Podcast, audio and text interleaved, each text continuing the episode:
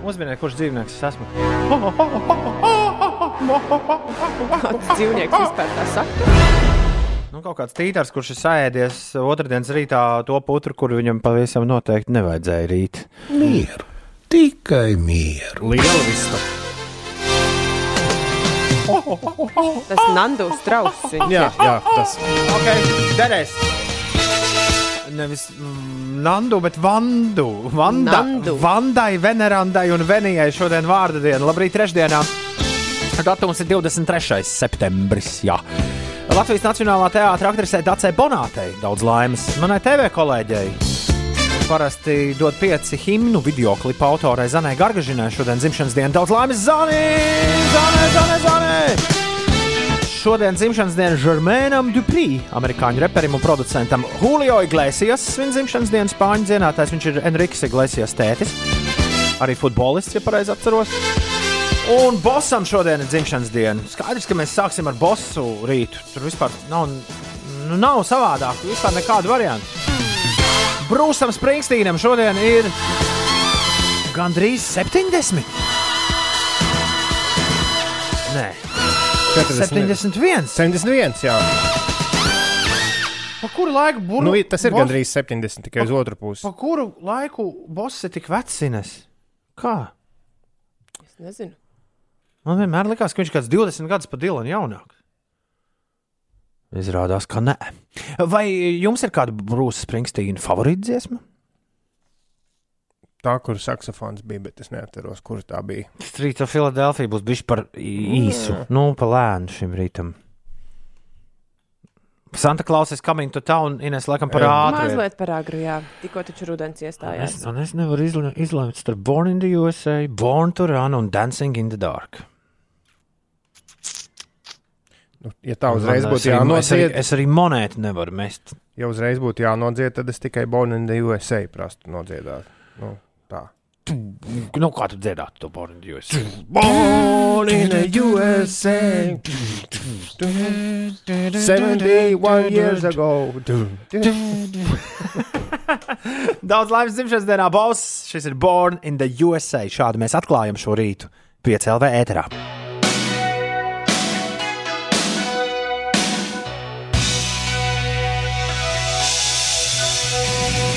Tev likās, ka dziesma ir beigusies, bet. Tas, ka viņi tiešām būs beigusies. Nē, nekā nebija.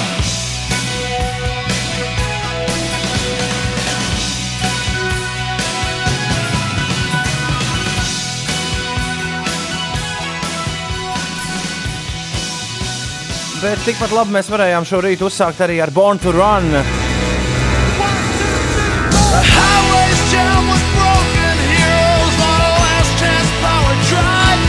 Man nav nekas pretī Ulu Brūsas Springstīna mazai dzimšanas dienas ballītei 6 un 7 minūtēs no rīta. Es zinu, zinu ko tu teiksi, baigi atbilstoši radiostacijai. Nē, vajag izglītot ļaudis. Jo Brūsis Springsteins ir. Es pats nezināju līdz nesenam laikam, cik ļoti viņš ir nu, svarīgs tajā visā pasākumā. Un, un tad izlasīju rakstu par to, kā tapa leģendārais uh, Quincy Jones producētais labdarības singls, kuru sauca we are the world. We are the Jā. children. Un tur, ja nebūtu bijis Brūsis Springsteins, nebūtu vispār nekas noticis. Tur droši vien viss būtu aizgājis pilnīgi pa pieskaru. Viņš bija tas, kurš teica, ka visi, kas, nu, jo roka mūzika teica, nē, nē, šis ir garām, tur Džeksons, mēs nepiedalāmies. Springsteins teica, mēs piedalāmies. Tur viņš pat Bobs Dilans. Viņš Nu, Bobs Dilans arī bija viens no tiem, jā. Bet Bobs Dilans tur sēdēja maziņš stūrīgi. Nevarēja viņš- nodziedāt divas viņš kautrīgi šausmīgi. Viņš nevarēja, nu, es, es sūtīju to rakstu. Bija, bija, bet jā, viņš jā. vesels video tur ir. Jā, Jā, jā. Nu, Bo- Bobs Dilans vienkārši nejūtās labi, jo viss laiku gribēja viņu runāties un fotografēties.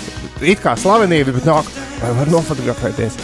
Bet Brūsis Springsteins bija tas, kurš teica, ka roka mūzika šajā ir iekšā. Un visi Amerikas roka mūziķi teica, ah, nu, ok, boss teica, labi, labi. labi. Iespējams, ka pat tieši tajā brīdī radās iesauka boss Sulis, nu pat runāja par šo.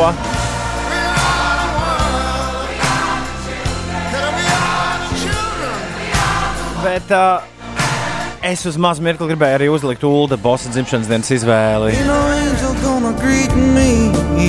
Dziesma ar saksofonu. It's just you and I, my friend. Nav īstais?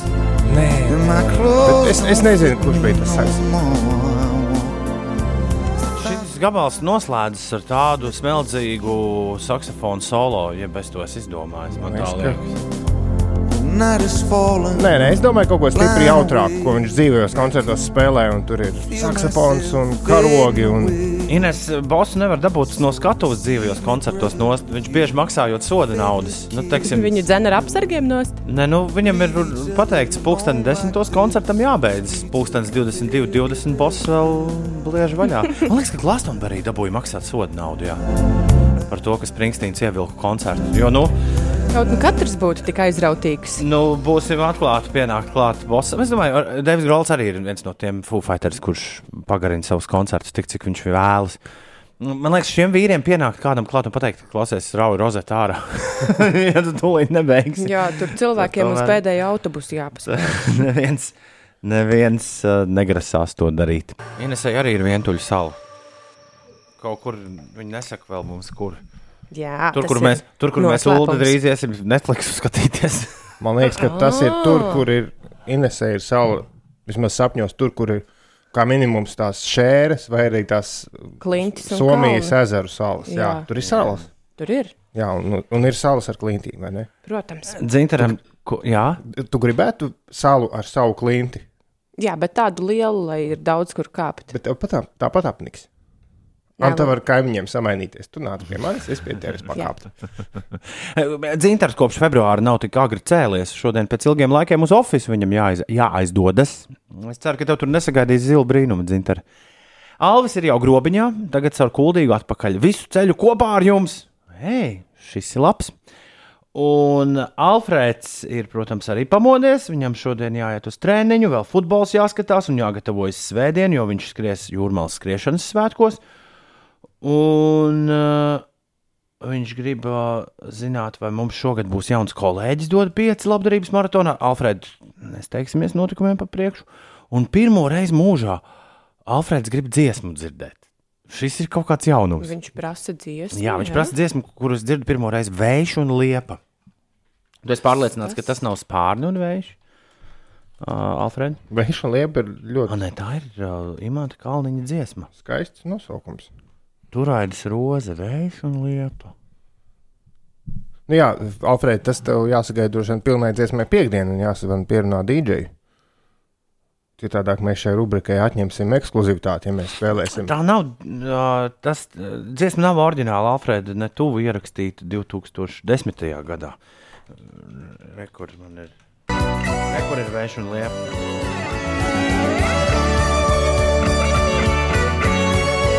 Tas ir no atmodas laika. Pat pēc skaņas uzreiz var pateikt. Jā,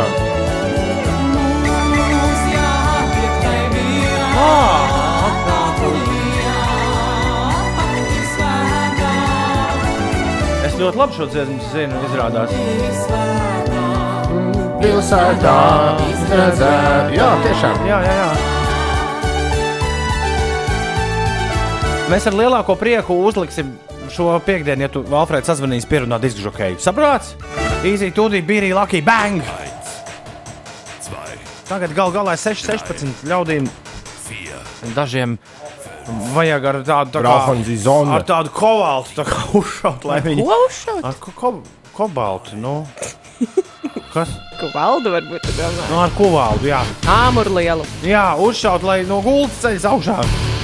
Dziesma par saulīti. To ar turētas rozes neizdarīs. Jā. Šķiet, ka kāds kaut ko sajauc, pasakot, ka šodien ir otrdiena. Nu, nopietni. Man ir ceturtdiena. Kurš, kurš pateica, ka ir otrdiena? Es, ja tā, tad atvainojos. Tiešām. Īstenībā trešdiena. Mēs jau parasti dzirdam, ko sakām. Paldies par modinātāju septiņgadīgajiem Rāmsteina fanam. Kāds uh, septiņgadīgā Rāmsteina fana tētis raksta. Vai tiešām septiņgadīgs ir, uh, cilvēks ir Rāmsteina fans vai viņš ir Rāmsteina fanu dēls? Nu, tā drīzāk. Tev dēls patiks Ramstein. Jā, jā. Bet, ja neiedziļinās tur dziļi, tad ritms jau ir, ģitāras ir, padējot var. Labs Kāpēc ne? rīts. Oi, šis zona bija vajadzīgs. Arča raksta tiešām kā ar āmuru papīru. Pie stūres acis uzreiz vaļā. Saulīt bija pašā laikā šorīt. Jānis no Liepājas raksta labu veselību visiem. Un Valters no Jūglas saka, prieks, ka šodien gaidām vasarīga diena. Kā ar laika ziņām izskatās tuvākā nākotnē, nebūs tik strauji augstums. Nu, diezgan augsts būs nākamnedēļ, bet, ugh, Ines, tūlīt tev izstāstīs, kas ir gaidāms. Kas ir gaidāms šodien? Šodien saglabāsies skaidrs laiks un gaiss iesils līdz pat plus 20, plus 25 grādiem. Pūtīs lēns līdz mērens dienvidu puses vējš. Galvaspilsētā visu dienu spoži spīdēs saule, dienvidu vēja ātrums brāzmās sasniegs 10 m2, un arī šeit plus 24, plus 25 grādi. Un ūdens temperatūra jūrā, ezeros un lielā daļā upju vēl ir plus 12, plus 15 grādu. Mazliet par eh, sportu. Šveicē vakar tika ievainoti 14 pusauģi zibens iesper, zibenim iesperot futbola laukumā eh, šo pusauģu spēles laikā. Zibens vispirms trāpīja apgaismas mastā un pēc tam izplatījās pa laukumu. Uh, Par tenisu Latvijas sieviešu tenisa pirmā raketa Ļauno Stapenko šodien Strasbūras sieviešu tenisa asociācijas International sērijas turnīra. Otrajā kārtā lūkos uzvarēt Nīderlandieti Kiki Bertensu. Mačs šodien sāksies pulksten pusdienos pēcpusdienā. Un Nacionālās basketbola asociācijas nākamā sezona visticamāk sāksies nākamā gada sākumā. Kā rezultātā Olimpiskajās spēlēs varētu nepiedalīties vairāki vadošie eh, planētas basketbolisti. Tā atklāja komisārs Edams Silvers. Un šobrīd notiek arī viena eh, basketbola sezona, nevis sezona, bet spēle Uldi. Jā, Losandželosas Lakers pret Denveras Nuggets pat labi spēlē. Oh. Šobrīd rezultāts 101-98. Nuggets eh, labā. Oh. Oho, oho, oho, man liekas, ka šī to vajadzētu ieslēgt, pastīties, cik viņam tur vēl palicis 4,5 minūtes. Jā, Bet nagets ir tā kā zelta gabaliņš, nevis vistas. Tas, ēdieni. man gan vienmēr asociācija veidojas ar vistiņām. Jo na- gold nugget ir nu, tas zelta. Varbūt viņi ir no pilsētas, kuras slavena savām zelta raktuvēm savulaik. Denver Vai vistiņām? vai vistiņā. Vai vistiņa? Ņemsim vistiņus. Eh, Klau, es nevaru saprast, man ir divas dažādas prognozes. Viena telefonā, viena, viena datorā, bet servis viens un tas pats. Runājot par četrām nākamajām dienām, telefons man saka, pavisam labi. Rīt būs plus 24, piekdien plus 22, sestdien plus 24, svētdien plus 23. Lieliski. Jā, Turamies bet, bet, bet, bet uh, dators saka, ka rīt būs plus 23, piekdien plus 20, sestdien plus 23 un svētdien plus 22. Man ir Kā tas telefonā tavs dators. Man telefons sakrīt ar datoru, Ar ja tie ir. Norvēģi. Jā, tad ticēsim. Tā. Abolīts sapurgā visu ar 30% lietus, iespējami bija, iespējami bija, bija piekdiena. Bija, bu. bija piekdiena. Bet nu 23, Nu, 24. ticēsim tai prognozē, kas mums labāk patīk. Jā, jā. Un tad man pazūd gaisma. Jā, nē, gaisma lēnām sāk rasties. Jā, tikai ir lēnām. Nu, Ārā ir, bet tāda ir, nē, nē, nē, tumsa. nē, nē, ja paskatās debesīs, ir, ir, ir, tur nāk. Atcerieties, es vakardien stāstīju, ka septembrī viss straujāk paliek tumšs. jā, to vakarā jūtu. Un augsts arī, kā es tagad zinu. Jāslēdz. Katru dienu gribas pagriezt vienu iedaļiņu vairāk tam sildītājam, kas māju silda. Jā, Bet to nejūt. Ejot, liekas, ir jauks, silts vakars, bet, bet Kad apsēžās un Nē, pasēž. kad pabrauc ar to tur brum, brum. tad, tad nevar, es, es tiešām nebiju iedomājies, ka tāda ir atšķirība. Iebraucot, teiksim, tādā pa- pavēsā vakarā, kā vakar, ap septiņiem vakarā, iebraucot no saules ēnā. Atšķirība momentā ir milzīga. Vienkārši tāds kā ledus tev puh, virsū. Un tā kā saule noriet, tad tas ledus ir visu laiku. un tad ir Jāvelk džemperīts. Nu, zem jakas, un vēl tur visādi termoveļi un kas vēl ne. Bet tā atšķirība ir fantastiski jūtama. Kaut vai iebraucot vienkārši mežā ēnā, kur tā nespīd saule. iepriekš tādu nebija jutis. Nu, es nebiju iedomājies, ka tā saules Tik tā krasa tik krasa tā atšķirība. Jā. Liekas, taču gaiss ir silts, nu, un ka tev vakar saule jau tā nesilda šķietami. Bet izrādās, ka tomēr tā ēna. jā. Katrā ziņā termoveļa atmaksājas. Ir 6,28. Labrīt, Rīga, labrīt, Latvija, labrīt, pasaulē. Labrīt, trešdienā, nedēļas vidus ir klāts 23. septembris. Es man liekas, esmu nosapņojis, ka mēs bijām kārtīgi sarakstījušies par to, par, par tematiem, par ko mums ir jārunā. Bet es lasu, Nevar atrast. Lasu un lasu, un man liekas, ka nu, es nekur nevaru atrast nevienu no tematiem, par kuriem mums šajā rītā ir jārunā. Nu, svētdienas vakars bija saraksti tādi. Jā, kur tā tas ir? Bet tur nekāda cita, kā mm, mūsu viņa Spānijā un Kazahu disku žokejas nebija. Kazahu disku žokeju mēs neesam vēl aiztikuši. Tad jau laikam ķersimies tā teikt, uh, aunam aiz ragiem. Uh, Imants, nu, mm. diskžokais. Uh, esam vairāk kārt viņš šajā pārādē apsprieduši. Viņš pierādīja to, ko uh, nu, lielos mūzikas uh, tirgos Tad, kad tu tur aizbrauc uz lieliem mūzikas pasākumiem, kur profesionāļi satiekas, vienmēr man saka, nu, nē, šis neies krastā. Nu, nav, nu, tā nu, tā ne, nevar būt. Un tad sēž visādi jauni muzikāli censoņi, viņi arī klausās. Nu, tā nenotiek. Nu, nevar, nu, nevar tā būt, ka tu mājās uztaisīsi gabalu jau uz datoru, uzlaidīsi augšā internetā. Tas kļūst slavens. Jo tā tad, taču katrs tā varētu darīt. Nu, jā, nu, ko darīs nu, izdevniecības, nu, jā, jā, jā, jā, jā, jā. mārketingā. Un... Ne, bet tas nav iespējams. Un, un it īpaši ļoti tiek kultivēta rietumu pasaulē tas, ka, ja tu neesi Londonā vai Ņujorkā uz vietas, ļoti bieži tiek kultivēts tas, ka vispār tu neko nevari izdarīt. Nu, kā? Nu, metropolē jābūt. Ir jāsajūt tā teikt, tā globālā smarža. Networking. Kurš, jā, kurš grib, kuram, kuram interesē kazāhu deju mūzika? Nu, tā uz papīra. Nu, lūk, un Imants ir ļoti labs piemērs uh, Kazahstānas čalis, kurš apgāza uh, visuzskatāmāk 2020. gadā. Viņš patiesībā jau 19. gadā sāka to darīt, bet viņš ir apgāzis šo uzskatu, ka tu nevari tāpat vien kļūt par slavenību. Nē, tu vari kļūt par vienu no vissvarīgākajiem diskžokejiem pasaulē. Vienkārši no tām zvaigznēm, kurām ir jāsakrīt, lai tas notiktu. Nu, tur, tu nekad neizdomās, kad tas būs. Bet, nu, pasties, pasēž pie datora, paklabina bišķiņu klaviatūru un ir gatavs.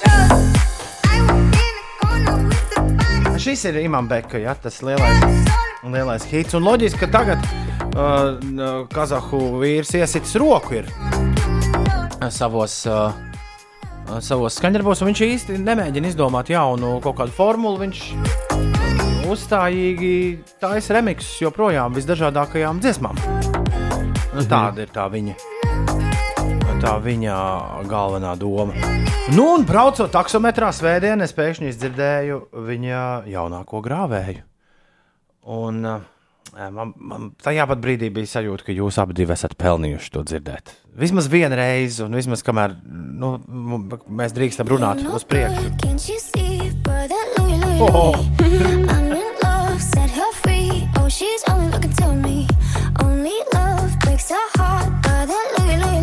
Jā.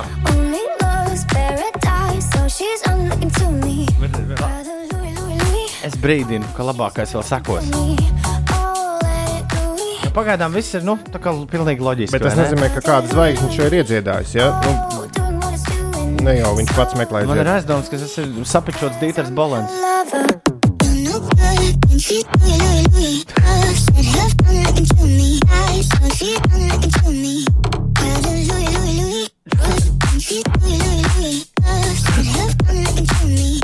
Sagraizīts. Nevarētu teikt, ka ļoti veiksmīgi sagraizīts. Tas apmēram tā kā 12 minūtēs podkāstu sagraizīt.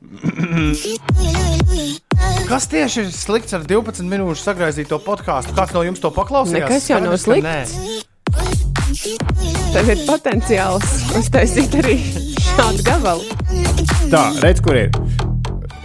Šito ir kaut kāds vīzē.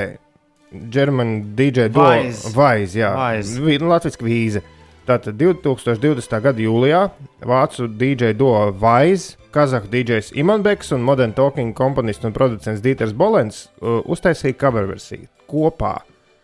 Un Leonijas, lai kas tas būtu, dziedāja.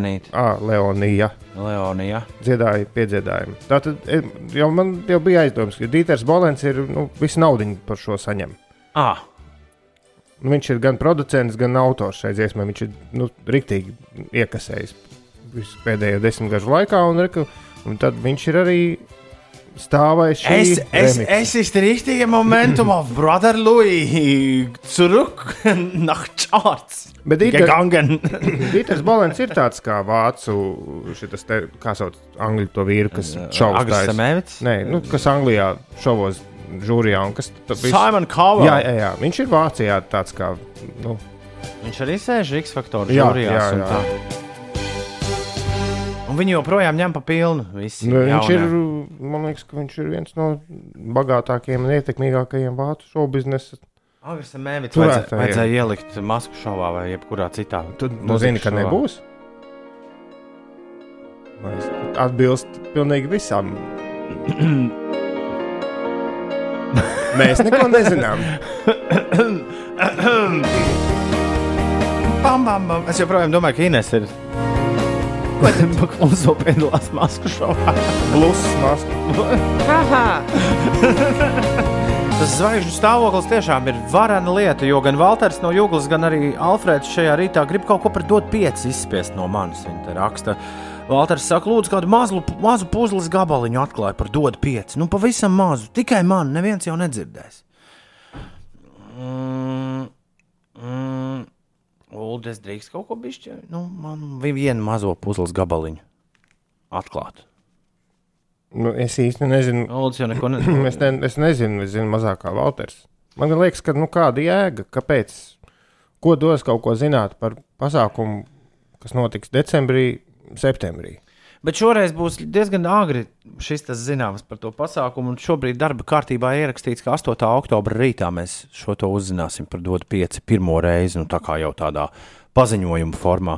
Tā kā pierakst Valtera kalendārā, šis ir vienīgais puzles gabaliņš, ko es tev atklāju 8. oktobris. Ceturtdiena. Ceturtdiena. Tev, to, tev vajadzētu pierakstīt, bet visiem jums, ieskaitot arī Ulu, jārēķinās, ka vēl var visādi kaķi pāriet pāri ielai. Un pēkšņi tas 8. oktobris var pārcelties, piemēram, uz 22. oktobra arī. Nu, cerams, tomēr, ka viss ritēs pēc plāna. Jā, nu, bet tā, astu, tā doma ir, ka 8. oktobrī vienu puzles gabaliņu mēs ieliksim savā vietā.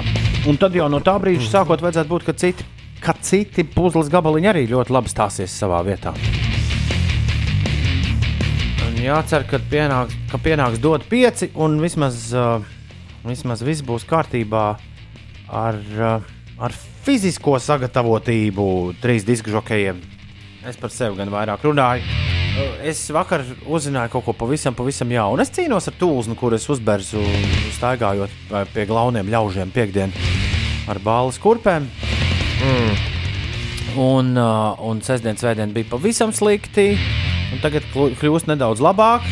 Bet vakar es uzzināju kaut ko pavisam, pavisam jaunu, kas diezgan man norāva jumtu. Pūšamais plāksteris, vai tu par to kādu kaut ko esi dzirdējis? O, oh, nē. Nē, bet tas ir ļoti labi, jo es lasīju, ka vajag katru, vismaz reizi nedēļā, ja ne katru dienu uzzināt kaut ko jaunu, kas norāda jums. Tas ir flakoniņš, kur tu uzpūti virsū, un viņš kā kā tā kā, tā kā, tā kā zinātniskās fantāstikas filmās, viņš tev rētu savelk ciet. Kaut kāds pilnīgs kuku, tu uzpūti. Savelk ciet, es biju domājis, ka viņš izveido tādu tā kā līmes silikona kārtiņu, nu, lai tev neberžas kurpēs. Nu, kaut kas, kaut kas uz to pusi, bet tas pirmais brīdis, kad tu uzpūti virsū viņu tai brūcē, kas tev ir. Viņš tā kā savelks. Ja? Tā Nu, kā, sajūta ir, ka nākamo minūti tev vienkārši pats nelabais izkāps ārā no klozeta poda, atnācis klāt ar dakšiņu, ir pielicis to karsto dakšiņu klāt un viss tur tā rīktīgi izkarsē. Un tad pēkšņi paliek ļoti labi. Un šodien man sāp tikai ļoti nedaudz. Ja es tikai tā kaut kā te pastiepju. Jā. vai parastais plāksteris pirms tam nedarbojās? Parastais plakāts darbojās uh, forši. nu, Zin, man liekas, tev nepatīk, ja par to runām par rādio. Uh, Stru, lai strūcis dabūtu ārā. Tad, uh, To tas Pag, pag, pag. Tev jau tās lietas bija tik tālu ielaistas, ka tur jau strūklas Es uzbērzu tūlznu. Tur jau nav strūklas iekšā. Nu, kā tā nav? Nav. nav. Nu, kā tā nav? Nu, nav. Kas, kas tad tur ir iekšā? Tur uh, nu, tas ir tāds tā kā neliels apgabals, izveidojas tā tulzna, tāpēc, ka tev ir nobērsta tā vietiņa, tur sakarst, un tad izveidojas uh, tulzna. Man liekas, ka tā ir limfa, kas tur ir iekšā. Cita plazma. Nu, tad acīm redzot, tas tūlznu plāksters to citu plazmu rāva ārā. Jā.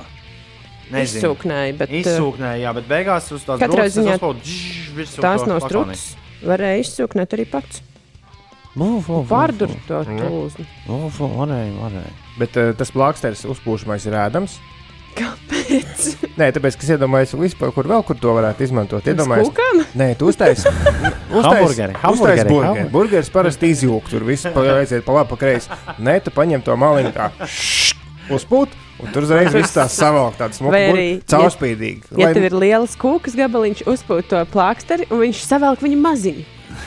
Un tev tu- ir sajūta, un ka tu ēd mazu kūciņu. Tā kā tāda konča iemet mutē, un tur patiesībā 200 gramu kūka. Ja? Nē, tas varbūt nebūtu jā, bet ir kūkas, kuras arī iet pa gaisu. Tāpat i cielaveģi. Tu esi Vai Napoleons? Viņš Vienmēr viss krems izspiežās ārā. Un mūsu pierādziņa arī te bija parasti studija piebirst ar domam te. drupačiņām. Kāda Apūt. studija? Mums Piebirusi? piebirst reizēm. Ah. Apūt apkārt plāksterīti un ņekčak. Pūšamais. Tā, pūš, Ēdiena saturētājs. pūšama Jebkurā plāksteri. gadījumā tas izklausās brīnišķīgi. Vēl brīnišķīgāk tas izklausās, eh, pasteidzoties eh, pusstundu uz priekšu, jau no vecāku rīta sakarā. Man domā, bērniem līmēt plāksteri. Vā, Nu, tur vienmēr ir, ma- manā mājā vismaz vienmēr ir. Tu gribi, lai eh, bērni vesela pārdzīvo tās elas mokas minūtes garumā. Un Kāpēc ne? Jā, To arī pēc tam būs labi. Nu. tā jau ir. Čiks, čiks un gatavs. Nu, tad, tad mēs to nezinām visi kopā. Ko. plāksterām taču tagad ir virsū visādi Zvēriņi un viss kaut kas makvīns un, un, un helza droši vien. Nu, un-. Pilnīgi noteikti. Nu, Krabīši. bet kā, ja tu uzlīmē plāksteri, tad to plāksteri var arī ļoti drīz nomalīmēt nost. Jā. Vai šis ir kaut kā piesūcis, tas pūšamais? Jā, plāksteris? kas notiek? Kā to dabūt nost? Jūs vēlaties, lai es novelku zeķi, un jums nā, nu man nav līdzi pušas. es domāju, vai jūs vēlaties demonstrāciju. Mēs varētu ultim iegriezt kādu brūci, un tad Pat taču uzpūst arī tā bez brūces. Bet nē, man šis ļoti Man bet- interesē, kā dabūt nost. Es arī vakar pirms aprunājos ar kādu medicīnā tā teikt, diplomētu cilvēku. Par šo nekad dzīvē nebija dzirdējis. Nemaksā lēti viņš tas prieks. Mm -hmm. Tūlis un plāksteri maksā uh, lētāk. Jā. Maza tāda tūbiņa, Maz- 10 eiro. Jā. Nu, kaut kā tā, jā. Un izveido otru ādu. Es reku sagūglēju. O, Bet ir arī tie speciālie tūlis un plāksteri, kas izveido otru ādu. jā, bet šis ir, tā kā man teica, efektīvāks pasākums. Bet vai zem tā visa pasākuma tā āda elpo? Un, un kad to var dabūt nost un kā? Nu, nu, gan jau, ka nu, tur vienkārši tāda kā plēvīte pāri. Atgrūž sviedrus, mitrumu, Seši elpojošu un uzlabo dzīšanu. Tālāk. Redz, 6 un 44 ir pareizais laiks. Jau, jau 45 ir pareizais laiks. Kamēr, kamēr mēs te par plāksteriem un kazāku dīdžejiem runājam, tikmēr Lakeri ir pazaudējuši pirmo spēli savā konferences finālā. Tieši tā. Losandželosas Lakers un Denveras Nuggets spēlēja tikko. Spēle noslēdzās ar rezultātu 106 pret 114 Nuggets labā un arī sērijā līdz četrām uzvarām. Šī bija trešā spēle. Pat labi, rezultāts ir 2-1. Vēl joprojām Losandželosas Lakers labā. Un uh, ir šonakt gaidāma spēle starp Bostonas Celtic un Miami Heat. Tur tā būs ceturtā spēle, un pat labi, tieši tāds pats rezultāts sērijā 2-1. Miami Heats uh, labā šoreiz. Hīta. Heat. Jā. Labā, jā. Nacionālās basketbola asociācijas uh, nākamā gada, jeb 2020. un 2021. gada sezona visticamāk sāksies uh, nākamā gada sākumā, janvārī.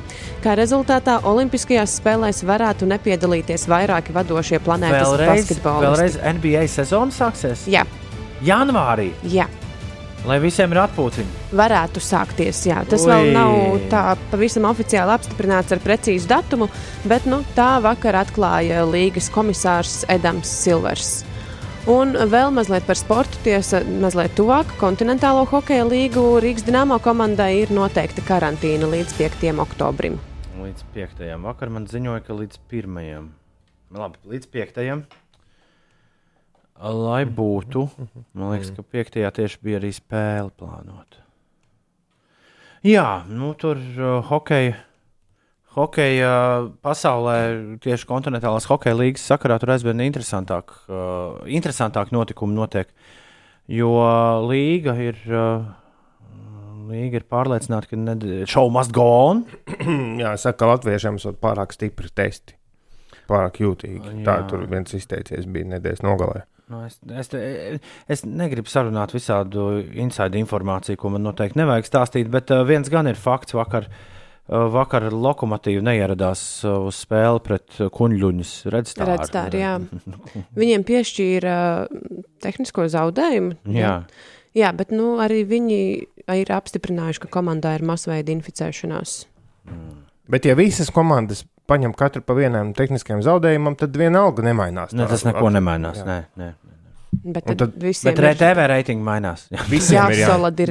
Jāso... Jā, bet Kā to vārdu pateikt? solidarizējas. Bet tur Jā. jau nav neviena skatītāja uz vietas. Tas viss ir Jā. par reitingiem, draugs. Bet tā tad viņiem ir jārāda kaut kas televīzijā cits tajā laikā. Var Visi. parādīt kādu vecu spēli. Nē, uzliek zūmā visu komandu. Un tagad mums aizsargs Saša žonglēs. Talantu himni. Iepazīsti savus mīļākās komandas jāspēlē. Laika mašīna. Kāds varbūt dzied no hokeistiem? Tur kaut ko ar ģitāru. Gitāru spēlē. DJ talants. Bala laiku. Labi. Strūns ar hokeju aiziet laika mašīnā. 23. septembris. Par ko tu smējies? Kāpēc es nevaru smieties? Man ir labs noskaņojums šorīt. Tad labi, tad labi. Man ar nav nevainas. Ulu tev? Jā, ļoti labi. Labi, 23. septembris mainām gadu. Tagad Kārlis Kazāks jums uzdziedās. Iemet mani sīku, sīku akmeni. Bez tevis iedomāties šo dzīvi, kā komēta sadegšu kosmosā brīvi. Es nevaru Nu, tikai retais šorīt ir aizšāvis garām. Mārtiņš, Gatis, Māris, Dagnē, Rudais, Sensīs, Dainis, Sofija, kandidāts Zandā, Aldis. Visi marši pie leduskapja kaut ko garšīgu apēst. Viņi zina, kurā gadā mēs šorīt esam. Interesanti, kā būs Uldim un Inesē. Laiks to noskaidrot. Es ņemu 2008. Uldis ņem 2008. gadu, Ines ņem Es ņemšu to pašu. arī 2008. gadu. Tā vētra jums iespēdusies atmiņā. Nu, apmēram pēc vētras, es domāju, jā, Es jo. at... Ir pareizi. Ir, ir, ir abiem Jē! diviem. Jā, abiem diviem Es ļoti labi pareizi. atceros, man liekas, vāciņa, vāciņa kā izskatījās šim albumam, klips vētrai. no, no tā Jā. durvju atstiņas, tā kā Jā, jā, jā, filmēts. jā, un, bet ar to gadu man bija tā, ka bija ko padomāt. Mēs 2008. gadā pēdējā laikā bieži piestājām. Nu, jau gan es domāju, uz kādu laiku būs jāliek miers viņam. Jo visas dziesmas, kuras gribējās spēlēt, ir izspēlētas. Mēs pirmdien, man liekas, bijām arī 2008. Varbūt, bet mēs neuzminējām. Ir nedēļas vidus, ir trešdiena, 23. septembris. Skolu Latvijas radio 5,5 LV. Labrīt! Es esmu Toms Grēviņš, Rekurines Pučaka, Jā, labrīt! Džemperītī, Hudijā sēž.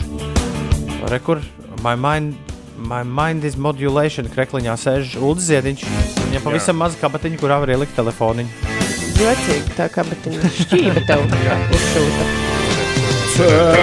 Cēlies augšā! Rīga Latvijā! Ko, ko, ko, ko, ko, ko? Mosties Rīga Latvijā! Ah, skaidrs! Rīga, Latvija, mosts augšā! Ei! Apvienau! Run, run, run, run! Labrīt, esam mēs visi satikušies brīnišķīgā dienā. Diena ir trešdiena, 23. septembris ir datums. Vandai, Venerandai un Venijai ir vārdu svētki, un šodien dzimšanas dienas svin. Man nav bail nosaukt visus uzvārdus. Jā, Nē, viņam vēl būs. Bonāte, Gargažina, Duprī, Springstīns un Iglesijas. Tātad Latvijas Nacionālā teātris aktrisei Dacei Bonātei dzimšanas dienas, Zanai Gargažinai, Latvijas televīzijas režisorai daudz laimes, Žermēnam Duprī, amerikāņu reperim un producentam, Bosam, Brūsam Springsteenam daudz laimes, viņam 71. Un spāņu dziedātājs Enriques Paps, Julio Iglesias, svin dzimšanas dienas. Kur šīs rudens Losandželosas zēni, kurus mēs daudz spēlēsim par radio. Wallows kopā ar Klairo. Iepriekšējā reizē, kad mēs šo spēlējām, pirmo reizi es teicu, ka Klairo ir britu meitene. Meloju. Es zinu, ir pa vēlu atsaukt šo kļūdu, bet uh, tā ir amerikāņu meitene. Un uh, jūs zināt, kāpēc Wallows ir aizgājuši popularitātes zenītā? Tāpēc, ka viņa solists Dilans Kristofers Minets ir viens no netpliķa tīņu superdrāmas 13 Reasons Why aktieriem. Mm. Ines, tu skaties 13 iemeslus, Jā, kāpēc? skatījos. Jo tu to čāli, kas nu pat dziedāja, labi zini. Nu, nevarētu teikt, ka es viņu labi zinu. Redzējusi esmu. Spēlē labi. Mm, nu, pieņemami. Lielas paldies Ulim par ģeniālo frāzi. Parādu, ko māki Nefte Himika. Ar ceļu policistu kungu tā nosmējāmies, ka tiku cauri ar bezmaksas lekciju. Plūdoņa karmā, tu izglābi. plūdoņa karmā inspektoram par kvalitatīvu nesaprotu, ko tas nozīmē, bet bezmaksas lekciju un Ulim plusiņš par pareizu frāzi pareizā laikā. Uldis perfekts taimings. Tad, ja, ja ceļu policists nāk ar tevi pļāpāt, nevajag slēgt ārā piecus rītus, jo var, var trāpīt uz kādu. Var trāpīt kādu dziesmu pilnīgi nevietā, kas sasmīdina vai kādu ulu Es, frāzi. bet es apmēram, a- a- apmēram iedomājos, viņš paņem dokumentus. Nu, kā tas izskatījās? Viņš paņem dokumentus un tikmēr skan, uh, Jā, skan jā. mūsu saruna par Dienāmo un par Nefti Himiku. Jā, ir gan bijušas reizes, ka mēs runājam arī kaut ko tādu, kas varbūt. Ko varbūt ceļu policistam tulpnu plāksteriem, īsti nevajadzētu. Jā, jā, jā, jā, jā, jā. Tā, uh, sveiki. Nolas Kaspars ziņu, ko viņš vakar mums bija atrakstījis. Kur viņš rakstīja? Kas par mums atrakstīja Twitterī? Atpieci rīti, tur mūs arī var sasniegt, un viņš atrakstīja mums uh, privāto ziņu. Sveiki! Četrgadniekam pielipa viens latviešu izpildītājs dziesmas piedziedājums. Teksts aptuveni šāds: Tik tālu, tik tālu, tik tālu. Tu, diemžēl, paši spēkiem nesakmējies atrast šo kompozīciju. Varbūt varat palīdzēt. Kaspars. Tā, dziesma ir šī, bet kur ir tik tālu vietā? Tāda klusāka vieta, vai nebija? Mm, Es re, kur ir, jā. Bremzējot, tik tālu, tik tālu, tik tālu, tik tālu tu. Šitā būs īstā četrgadniekam. Tā ir Aminatas dziesma, nejauc man prātu. Tik mēs ar Ines pamatīgi izgāzāmies lasot šo ziņu, jo mēs nospēdām, ka tā ir vai nu Marta, vai arī kas bija otrs variants - Patriša ar Ne, dziesmu mēs, man liekas, bijām iztēlojušies īsto, bet Ah. ne aminātu. Jā, mēs Marta. Rītvārs raksta, ka Valauzas solistam ir interesants vārds. Dīlāns Kristofers Minets. ok. Kas, kas, Tā nu, tādi mazi puiši. kas nu kuram interesanti? Jā. Ir 20 minūtes pār septiņiem. Labrīt, ir trešdien, 23. septembris, skan 5LV. Inesei ir kaut kas svarīgs sakāms. Jā, nevar saprast, ar ko sākt, vai ar tādām tālākām ziņām, vai pašmāju ziņām. Labi, ar tām tālajām pie Austrālijas. Austrālijai piedarošās Tasmānijas salas krastiem notiek plaša vaļu glābšanas operācija. Saklajā ūdenī iestrēguši kopumā 270 lielie jūras dzīvnieki. Austrālijas mediji vēsta, ka 60 vidas aktīvistiem, glābšanas dienestu pārstāvjiem un zinātniekiem līdz šim brīdim izdevies izglābt 25 pilotu vaļus, bet 90 dzīvnieki gājuši bojā. Eh, Šī glābšanas operācija ilgst vairākas dienas un ir cerības, ka palīdzēs paisuma izraisītajā jūras līmeņa paaugstināšanās eh, līmenis, tad palīdzēs šiem vaļiem atgriezties atpakaļ plašākos ūdeņos. Pašmājās nu, tāda mazliet satraucoša ziņa ir tā, ka šogad nav bagātīgs lazduriekstu ražas gads. Tā ir secinājuši saimnieki. Jā, man laukos es neesmu arī nevienu riekstu dabūjusi no lazdām. Tad jau šie man rīkstiņi ir Tā ir zelta vērtība, jā, kas tev šobrīd stāv maisiņā uz galda.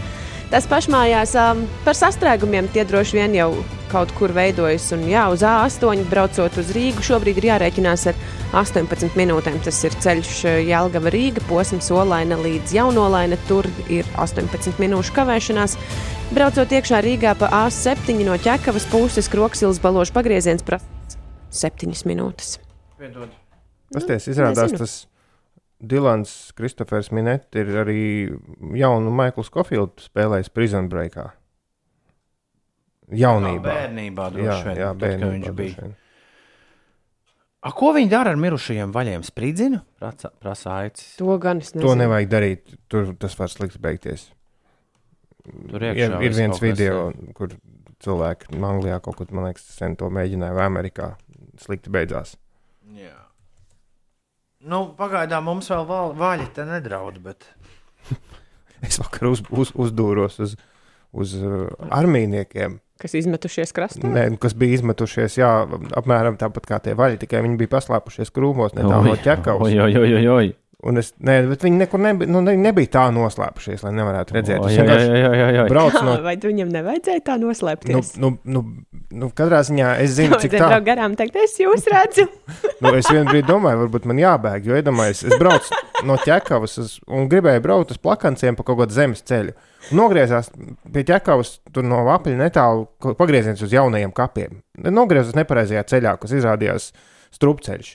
Un es pagriežos, pabraucu reiz līkumu, tur pēkšņi ir rinda ar ķemertiņiem, tās vietas, kur var mazgāt rokas, un kādi 11 ārzemju formas tērpos tērpta karavīri iet pa to ceļu, turp atpakaļ. Es pabraucu viņiem garām, domāju, nu labi, mācības skaidrs. Aizbraucu galā, tur ir strupceļš, vārti, un kaut kur blakus pļāvā viņa nometne. Lūk, Un tajā brīdī man tiešām bija sajūta, tev, bet es taču droši vien, ka nu, nedrīkst. Es, nes, ne, es nestāstu, protams, kur tas atrodas, bet viņi ir nebija tā paslēpušies. Ārā brauca tāda kaunīga skatiena. labi, ka tu esi sveiks un vesels atgriezies radio. Kāds raksta, tu pārļauj pabeigt Uldim. Nē, nu, apmēram jau jau, pabeidz. apmēram jau izstāstīja. Un galvenais, kas jāzina, ka tās toaletes ceļa malā nebija tik ļoti noslēptas, lai tas Nebija tiešām būtu nomaskētas. bijis kaut kas slepens, jo tad es par to nestāstītu. Bet viņš to pateica jau. Jā, jā, to tas bija. Okay. Ir uh, 7,27 minūtes pareizais laiks. Labrīt! Pieci.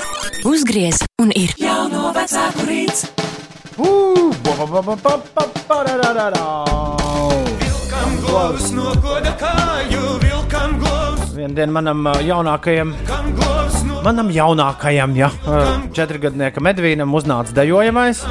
Man ir tāda playlist, kuras esmu salicis visādas dziesmas bērniem. Starp tām ir šī. aizgāja uz urā. Šis jā, netīšām. govs, Viņš to tekstu arī saprot. Jā, nu, bet, protams. Bet ir rēcīgi. Jā, jā, ņemot vērā, ka viņam arī patīk kost un patīk gan vilks, gan govs. Ļoti labi šis viss tā. Tam klāt, piegāja govs un kāju no goda. Tā rindiņa. Ko tas vilks tur sēž? Teica govs, kāpēc tu sēdi tur? Nekāds vairs nesi, bet pelēkā cūka tu. Haha, labais. Jā, nu tā, tā, tālūk. Nekas man dikti daudz jums stāstāms nav. Nu, lēnām ēpklasi apgūstam, joprojām tur mēģinam saprast, ko nozīmē katra podziņa. Zinu, ka ir vecākiem savs profils un bērniem savs. Kāpēc dators neielogojas automātiski? Nekādā veidā nevar saglabāt loginu un paroli. Un, un tā tālāk. Bija arī kaut kāda maza temperatūra tad, vecākajam jauneklim. Man ir divi dēli. Vienam ir četri, otram ir uh, septiņi. Pirmklasniekam bija temperatūra uznākusi, tad pirmdien, pirmdien nebija uz skolu, bet aizgājām pie doktora. Viss labi. Nu, tagad skolā atkal atpakaļ. Nu, tā, jā. Nekur man žurnāli jau atsūtīja. Viņi, viņi, tas ir sācies. Man sūta vienkārši uz radio. Ir atsūtīts žurnāls. Es domāju, ka zēniem tie ir labi patiks. Ar visādiem detektīvu uzdevumiem. Ah, Forši. Aiznesīšu mājās, lai tik, lai tik ņēmas. Nu, jā, un, protams, es to vakar teicu televīzijas skatīšanās sakarā, ka ir atgriezusies vecākajam dēlam. Viņam vienmēr ir bijusi stipra interese par kosmosu, bet, uh, bet pēdējā laikā šī interese īpaši ir atgriezusies atkal. Nu, Tas tā, tā viļņveidīgi notiek, bet nu, tagad ir tā kārtīgi. Un, uh, jā, mēs tā, esam gandrīz Challenger seriālu Netflixī pabeiguši. Abi divi kopā skatīties. Tur morāli ir ļoti. Mēs vakar vēl visu tā pārunājām. Man liekas, morāli ir ļoti forša. Mm, Ka ir jāmēģina dzīvē darīt visu tā, lai pēc iespējas mazāk no tavām kļūdām ciestu citi cilvēki. Tas ir tas, ko tas, ir tas, ko tas Challenger seriāls man liekas, tā, nu, visvairāk stāsta. Ah, jā, un tad vēl Everts bija uz robotikas uh, sagatavošanas nodarbību. Viņš ies robotikā. Ir tāda Tā mūzikas skola nebūs. Ja? Nē, nē, ir tāda jauna, jauna stēle. Es man liekas, kādreiz biju kaut ko minējis. Uh, Šmego ir tajā iesaistīts, un Amerikas valdība viņiem ir kopīga programma, kurā bērni no tādiem pavisam sarežģītiem šmego konstruktoriem var robotus būvēt. Latvijā vairākās skolās esmu redzējis, ka arī šis ir attīstīts. Mēs tad atradām pulciņu. Pulciņu, kur doties robotikai. Tas forši, jo es nesen redzēju Instagramā kādai savai paziņai, es tagad nevaru atrast, kurai, bet, nu, nu puika, man šķiet, nu, vai nu stulīties skolā, vai arī pirmajā klasē. Un bija, varbūt, ka pieci gadi. Un bija labie vecvecāki vai arī krustvecāki uzdāvinājuši bungas. Iedomājieties, dārgo 5, 6, 7 gadnieku vecāki, jūs uz bērnam kāds neprasot atļauju uzdāvināt bungas. kāda ir tu, tuvāk nākamie mēneši jūsu mājās. Ai, ai, ai, ai, ai, Jā, ai, bet par kaut ko mazliet nopietnāku mums ir atsūtīts uzaicinājums uz Valsts bērnu tiesību aizsardzības inspekcijas aplikācijas uzticības tālrunis prezentāciju.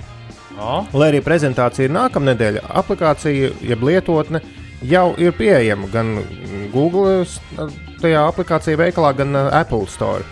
To sauc par uzticības tālrunis. Un es šorīt ielādēju, un īstenībā ļoti vienkārši un ļoti foršs pasākums. Jo tur ir viena milzīga poga, ar kuru tu vari piezvanīt uz uzticības tālruni 116111, kas ir bērniem, jaunie, bērniem un pusaudžiem domāts uzticības tālrunis. Bet to arī tajā uh, aplikācijā var čatot. Čats gan būs pieejams tikai no 12 līdz 8 vakarā darba dienās, bet tālrunis ir visu diennakti. Un tur ir vēl visādas lietas. Tur ir noderīga informācija par vardarbību, par tavām tiesībām un pienākumiem, nu, bērniem, jauniešiem. Aktuālais jautājums, ar kādām grūtībām saskaries skolā, kuras tu pats nevari atrisināt? Tu vari ierakstīt atbildi, tā kā čatā. Mm -hmm. Un, un, un tad ir jaunumi, un pat, pats galvenais tas, ka tur uzreiz var piezvanīt uz to tālu, un tev nav jāatceras tie 116. Kas ir jāmeklē veikalā? Uzticības tālrunis. Tā Tas, tas ir arī jāraksta. Ja? Uzticības tālrunis. Es atbildēšu uz jautājumu, ar kādām grūtībām saskaros, ka es vēl vairs neeju skolā. Ļoti labi. Ļoti labi. Nepabeidzu augstskolu, tā. Tā ir tava grūtība. Jā. Ja? Madara prasa, ko iesākt, ja septiņgadnieks runā pretī? Kā cīnīties? Nu, es pagaidām ar morāli mēģinu. Uh, jā. Runā pretī. Nu, pirmkārt, bišķi, bišķi vajag piegriezt uh, skābekli dažādām izklaidēm. Ja? Bet, uh, bet nē, arī, arī tad, kad par sliktu uzvedību runājot, pagaidām ļoti labi strādā. Es vienkārši no savas bērnības atceros. Vienkārši moralizēt, un non-stopā. Nu, tā kā nu, vi, visu, la, visu laiku. Nu, vienā brīdī nu, apnīk. Nu, labi, ned- Nedarīšu vairāk dumības. Es nesaku, ka, šī, ka šis paņēmiens ir pareizs, bet, uh, bet tas ir tas, kā es to daru. Mūsdienās bērniem ir tiesības, raksta Vadeks. Pienākumi tiem nav. Tie var sūdzēties par visu, taču paklausība neeksistē. Grūts laikmets. Vispār vadīt tā nav taisnība. Nu, jā. Likumā ir teikts, ka bērniem līdz 18 gadiem ir arī pienākumi. Jā. Tā kā tur tā Tas nu jau ir arī nav. tāds nu, vecāku darbiņš, pastāstīt bērniem par to, ka ir arī pienākumi. Vairāk ļaudis, izņemot mūsu redz, jā, tāds mūsu liktenis, redz šobrīd saulēktu, esot nenormāli skaista saule. Baiba rakstā, es vēroju saulēktu, braucot pāri vanšu tiltam, mirklis tik gaistošs un tik skaists. Un uh, Matīs saka, ka tagad ir esot Japāņu saule pie debesīm. Sveiciens visiem, kas to redz, mēs to neredzam. Bet mēs lēnām tinam uh, jauno vecāku rītu makšķeris. Un vecāku rīts atgriezīsies pēc nedēļas.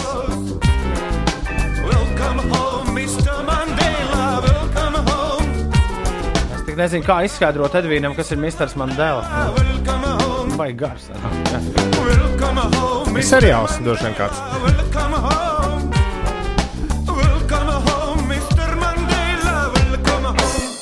Jauno vecāku rīts. Mēs teicām, ka saulīte skaista, un Nora raksta, ha, pateicāt par saulēktu, un tādā veidā dabūjāt mani beidzot ārā no gultas, lai visiem labs rīts. Un prieks to dzirdēt, Nora. Un vēl jauno vecāku rītu, rītam atcaucoties, Kaspars raksta, ar šo var padalīties. Man ik pa laikam sanāk krustmeitu pieskatīt, tā kā mums ir beisbola likums, trīs reizes skandāls un mēnesī kaut kādu pasākumu vai kino. Nē, tagad strādā. Nu, ja mēnesis, man liekas, vēl jauniem cilvēkiem, it īpaši četrgadniekiem, vēl ir pārāk liels koncepts.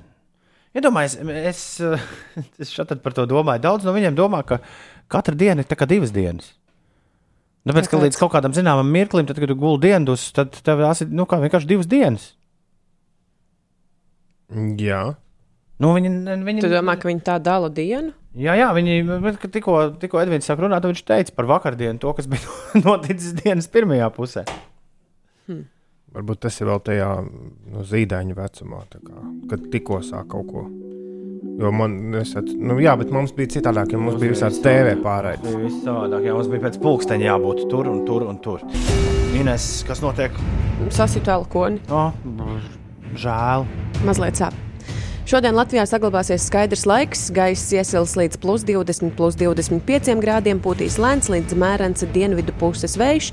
Arī galvaspilsētā visu dienu spoži spīdēs saule, dienvidu vēja ātrums brāzmās sasniegs 10 metrus sekundē, un arī šeit gaisa temperatūra plus 24, plus 25 grādi. Runā, ka šodien kritīšot karstuma rekordi. Arī ūdens temperatūra jūrā, ezeros un lielā daļā upju ir plus 12, plus 15 grādi. Par sastrēgumiem Rīgas ielās šobrīd Daugaugrības ielā ir jārēķinās ar 6 minūšu kavēšanos, buļļielā aizkavēsieties 5 minūtes un līdzīga situācija arī brīvības gatavē posmā no Mārkalnas ielas līdz Šmerlim. Citās ierastajās sastrēgumu vietās, vismaz galvaspilsētā, izskatās, ka viss ir eh, diezgan mierīgi. Krustpils ielā vēl jārēķinās ar 8 minūšu kavēšanos. Pie iebraukšanas Rīgā pa A7 posmā Kroksilas balošu pagrieziens ir teju 20 minūšu kavēšanās, un braucot pa A8 Rīgas virzienā, tur ir ceļu remontdarbs pie Olainas, un šobrīd posms pārolaina, jaunolaina ir izbraucams 20 minūšu laikā. Tas par sastrēgumiem un Forši laikapstākļiem. Forši sastrēgumi, forši laikapstākļi. Viss baigi forši, un vēl ir forši, ka ir trešdiena, un mums ir Top 10. Jā, mums ir top 10. Es šodien stāstīju par, mm, par flakoniņu, kurš ir plāksteris patiesībā. To viņi uzpūta virsū brūcei. Un, wow, un es neko kopš vakar, pi- pirms vakardienas es neko par to nebiju dzirdējis. Un šādas lietas ir ņemot vērā, cik nenormāli daudz informācijas mums ir apkārt. Mums taču ir katru dienu. Es vakar, pirms pusdienas 11. nekad neko nebiju dzirdējis par Kolitolovku. Man pēkšņi? Instagrams sāk rādīt. Tas ir kaut kāds ciemats. Kolotīlovka. Ah, tā viņu jāizrunā. Kolo, Kolo Čīlovka. Tas ir kaut kāds kuku ciemats, kas ir uh, Kur? uh, Salaspils virzienā, ko ir uzbūvējusi. Kur uzbūvējis kāds ukrāņu vīrs. Labi. Tur ir sala, tur ir ezers ar maziņš ezeriņš ar salu Latvijas formā. Viņš to salu pats Tur- ir uzbūvējis. Tur ir mājas, kas ir uz kokiem saliktas. Tur ir uh, milzu zirgs, Dzelzs milzīgs. zirgs. Dzelzs zirgs tur ir. Tagad nevis dzelzs vilks, bet dzelzs zirgs. Trojas zirgs. Jaunā grupa. Jā. Tas man ļoti pārsteidz. Šāds. Vēl vairāk man pārsteidz, ka pēkšņi Instagrams man rāda viņu Tā nu, ir tā visu kā- laiku. Ekskursiju vieta vai kā? Tur var, man liekas, aizbraukt tāpat vienkārši. Jā, paskatīties. tur ir it kā tas ir piršu komplekss, komplekss bet uh, viņš pats to ir uzbūvējis kādā utopijā. Nu, nu, tā, nu, vienkārši kuku vieta, ko viens, viens Mhm. interesants vīrs būvē. Nu, re, tie, ir man, tie ir mani jaunumi pēdējās 24 stundās, kas man ir likušies tādi wow! Ines ir uzzinājusi, Šis gan ir Ko es interesants. esmu pēdējās 24 Ne, nu- stundās uzzinājusi? Pēdējās 24 stundās es eh, beidzot esmu bijusi teātrī kopš pandēmijas laika sākuma, bet eh, tas nav tas, ko es uzzināju. Uh, pēdējā lieta, kas mani pārsteidza, ir tas, ka īstenībā svaigi puravi garšo normāli. Man negaršo, man negaršo svaigi sīpoli, un es vienmēr arī tos no salātiem lasu ārā. Bet izrādās, ka puravu salāti ir diezgan ok. Wow! Brīnišķīgi! Tas ir man kaut kāds jaunums. Super, Ulu, ko tev ir es pārsteigts? uzzināju to, ka mēnesis visu laiku krīt. Ko? Nu, mēnesis nestāv debesīs, kā mums no mūsu skatu punkta izskatās. Mēnesis visu laiku ir kritienā, tikai viņš krīt garām zemē. Viņš tā kā planē. Nē, viņš krīt, vienkārši viņš krīt uh, sāniski, jo viņam ir ātrums griešanās. un Līdz ar to viņš visu laiku aizkrīt zemē garām. Šorīt top 10. mēs vēlamies noskaidrot, ko jūs jaunu esat uzzinājuši. Jaunu un pārsteidzošu esat uzzinājuši vai atklājuši. Un šos uzzinājumus vai atklājumus mēs sarindosim top 10. jau pavisam, pavisam drīz 29, 3, 1, 2, 0, 2, 0, 2, 3, 1, 2, 0, 2, 0. Redz, Čirikam pa mēnesi jau skolā mācīja, bet Ulu pagulā aizmirst. Vai arī Ulim nebija Es par to krišanu man nebija. Nē. Man bija. Bet es ne, neatceros neko tādu. Vienmēr sakot, 2, 9, 3, 1, 2, 0, 2, 0. Kas tev pēdējā laikā ir pārsteidzis? Nu, Patiešām tādā pēdējā, pēdējā laikā pārsteidzis, ko jaunu tu esi uzzinājis vai uzzinājusi. Tāds mums šodien uzdevums top 10. Top 10. Kā katru trešdienu mēs esam sastādījuši Top 10. šajā rītā top 10. jūsu desmit pēdējā laika lielākie un pārsteidzošākie atklājumi. Tā Jā. mēs varam teikt, vai ne? Jā. Šķiet, ka jā. tā mēs varam teikt. Desmitajā vietā ir Lienas atklājums. Viņa saka, ka skaidra nauda makā izrādās tērējas daudz lēnāk nekā, ja tā nauda stāv uz kartes. Kartiņu tik pažvidzini šurp turp un nauda pazūd gaismas ātrumā, bet, ja tā naudas summa ir eh, makā, tad tērējas lēnāk. Es gribētu zināt, kā tieši tas strādā. Jo es, piemēram, domāju, precīzi otrādi lienu.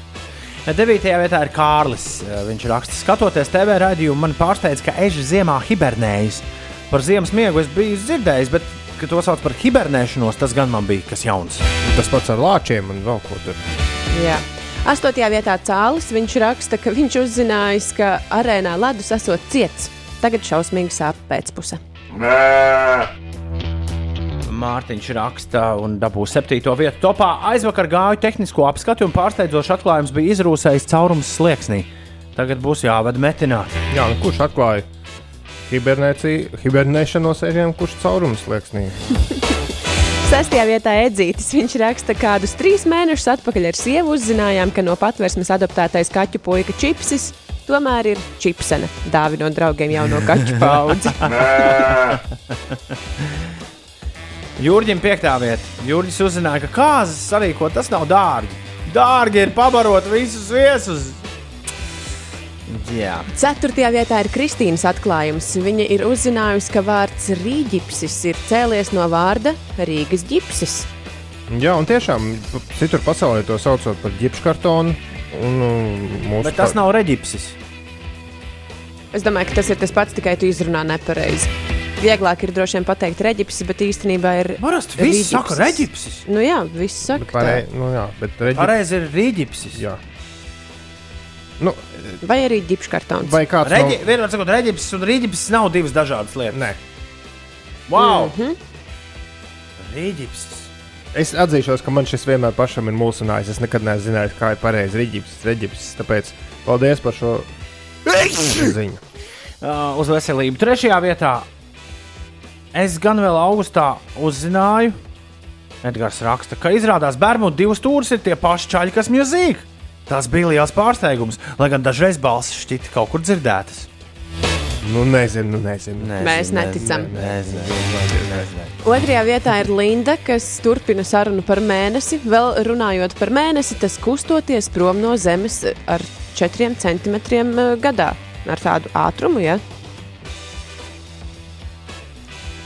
Jā, un uh, vēl es te sametu vēl dažas astronomijas ziņas, jo tās sanāca daudz, jo nu, mēs par mēnesi runājam. Par to, ka Zeme tehniski krīt pret Sauli, pareizi, un visa Saules sistēma arī tehniski krīt pret tur, mm, tālāk. Crazy. Jā, un gravitāte tur laiku, nevis mūsu. To Liena atrakstīja. Paldies! Padomājiet par to šodien. Tas no kvantu fizikas lekcijām. Jā, Jā. jā. Liena raksta visiem, iesaka kvantu fizikas lekcijas paklausīties. Katrā teikumā būs kas jauns. Un numur viens šajā rītā top desmitniekā. Pirmo vietu iegūst Undīnē. Un Undīna raksta, es tikai nesen uzzināju, ka izžāvētas vīnogas ir rozīnes. Tas bija liels, liels atklājums man. Jā, un Arnolds atrakstīja, ka Lāčs pirms hibernēšanās aizbažot dibenu, lai skudras nesalēm, bet es neesmu pārliecināts, vai tā- Šis vai tas ir fakts. Nē, nē, nē, nē, nē šito, šito vajag pārbaudīt.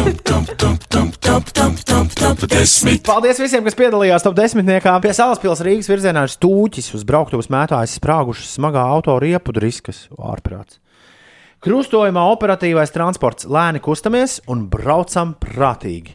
Un rekur joprojām Luīze, uh, Luīze sāk Nu, Turpina rakstīt par top 10. Viņa raksta, mēs ar māsīcu tikko bijām šokā, ka Bermuda divu stūrim un mūzika ir tie paši solis. Mēs joprojām esam šokā. Mēs, bet mēs jau teicām, ka Trakums. ne, nu, ka tas tā kā nekur nav pierādīts. Vai kāds ir redzējis Bermudu divu stūri kopā ar, piemēram, Intūru busuli uz vienas skatuves? Nu, tur tad tik daudz jautājumu. Vai kāds no viņiem būs balss maskā? Pagaid, re, kur ir Wikipēdija? Bermuda divs apstāties Wikipēdijā. Wikipēdijā viss ir normāli. Ja? Bermuda divs stūris ir 2011. gadā izveidots latviešu humoristiskā repa duets. Grupas sastāvā ir Marats, Marats Ogļezņevs un Emīls Balceris, kas pieņēmuši pseidonīmus Biceps un Triceps. Nu tā, jā, tā bet- ir Wikipēdija. Tu Wikipēdijā mēs arī varam ierakstīt pašu kaut ko. sarakstīt. Nu, tur Okay. nevar, nevar zināt. Trešdien, 23. septembris ar jums kopā Latvijas Rādio 5,5 LV šeit, 5 rītī.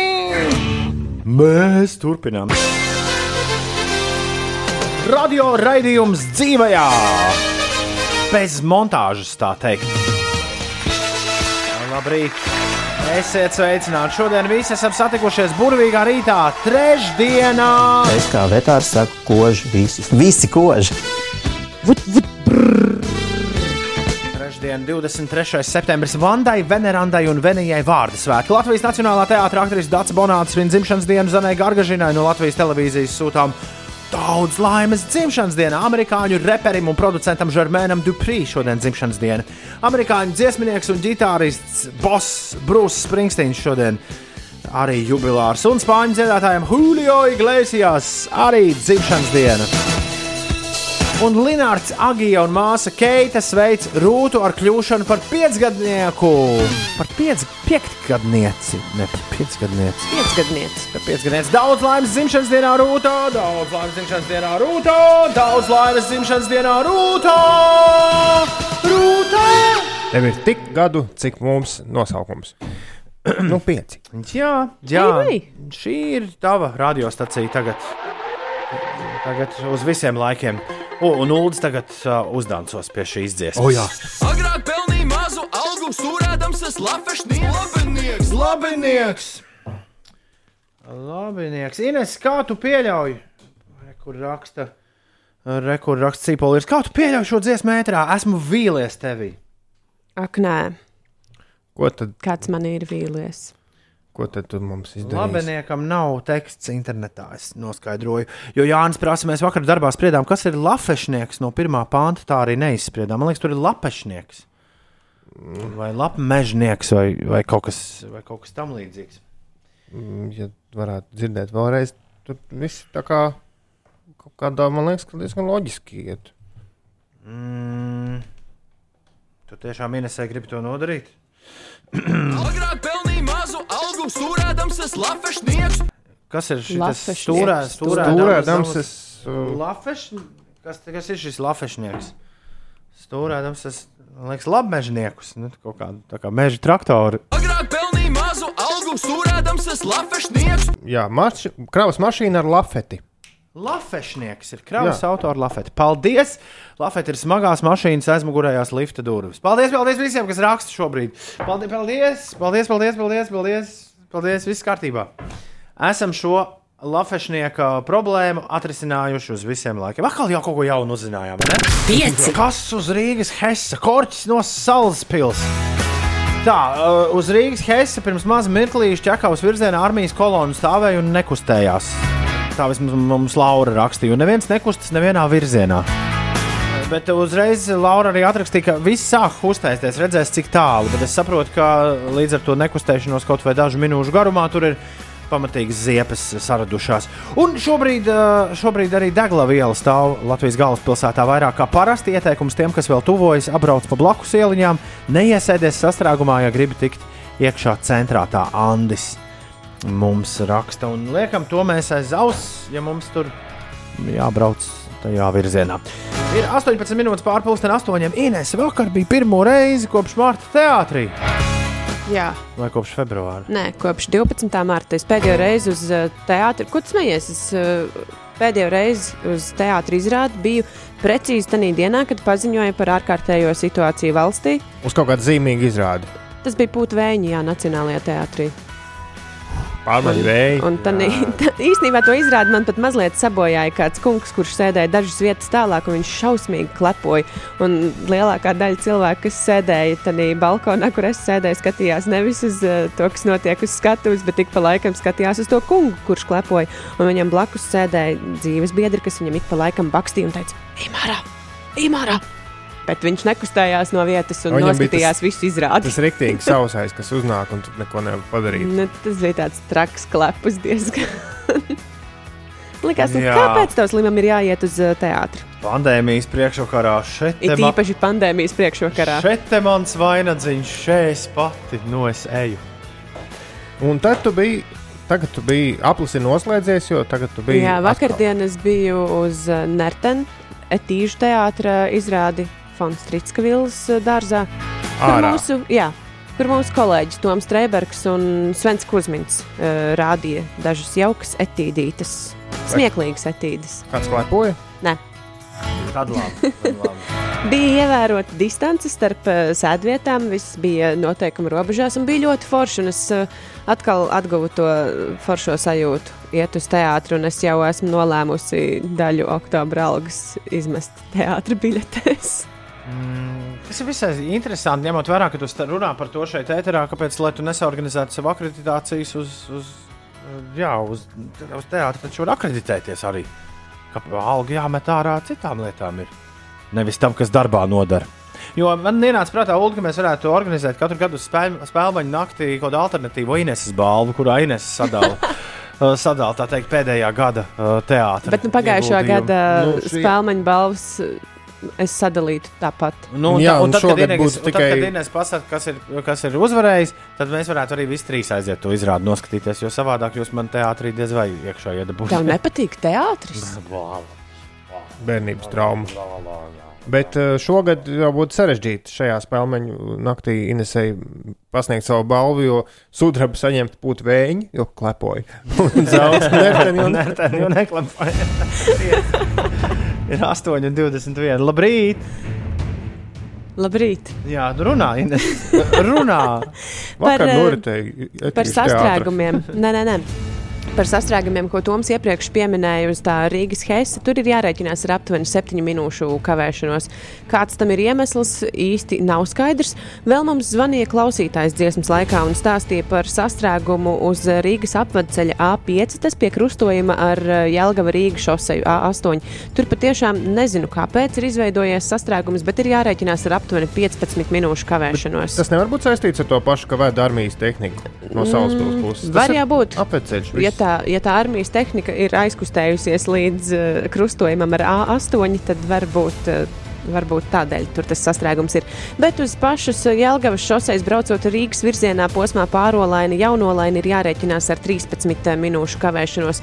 Un vēl uh, kopš 16. septembra līdz šodienai nedēļas garumā Eiropas Savienības dalībvalstīs norisinājās Eiropas ceļu policijas tīkla organizēta akcija Roadpol drošības dienas ar domu, lai uzlabotu drošību uz autoceļiem. Uh, šī nedēļa ir noslēgusies un Latvijas uh, televīzijā. Uh, Šodien satiksmes drošības pārvaldes priekšnieka pienākuma izpildītājs Juris Jančevskis no valsts policijas stāstīja, ka šī nedēļa Latvijā aizritējusi visnotaļ slikti. Reģistrēti vairāk nekā Oi. 600 negadījumi, cietušas 116 personas. Kopējais negadījumu skaits ar cietušajiem ir 99 tas nedēļas laikā, un divos gadījumos ir gājuši bojā cilvēki. Tā kā neuzmanība un pārgalvība joprojām valda uz autoceļiem. Neuzmanība un pārgalvība cērt pamatīgāk kā tas Covid-19, es jums teikšu.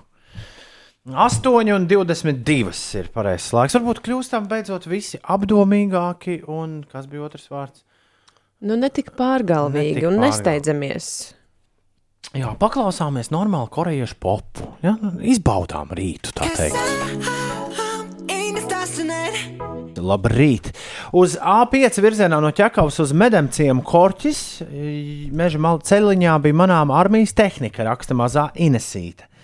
Uh, Minka arī raksta uz A5 uz Jālgavas puses sastrēgumam pie vainas militārā tehnika, jo vienam bija izlikts avārijas trīs stūris. Un uh, Valča, nē, bet uh, kāds cits klausītājs, kurš nekad nav parakstījis, iespējams, viņu sauc JB, mm, saka, ka salūzis tankvedējs, un tāpēc viņu uz ceļa veic remontu darbus. Jā, Un tāpēc bildi ir tas viss- atsūtījis. Viss ir Nu, re, iebraucis. viss noskaidrots.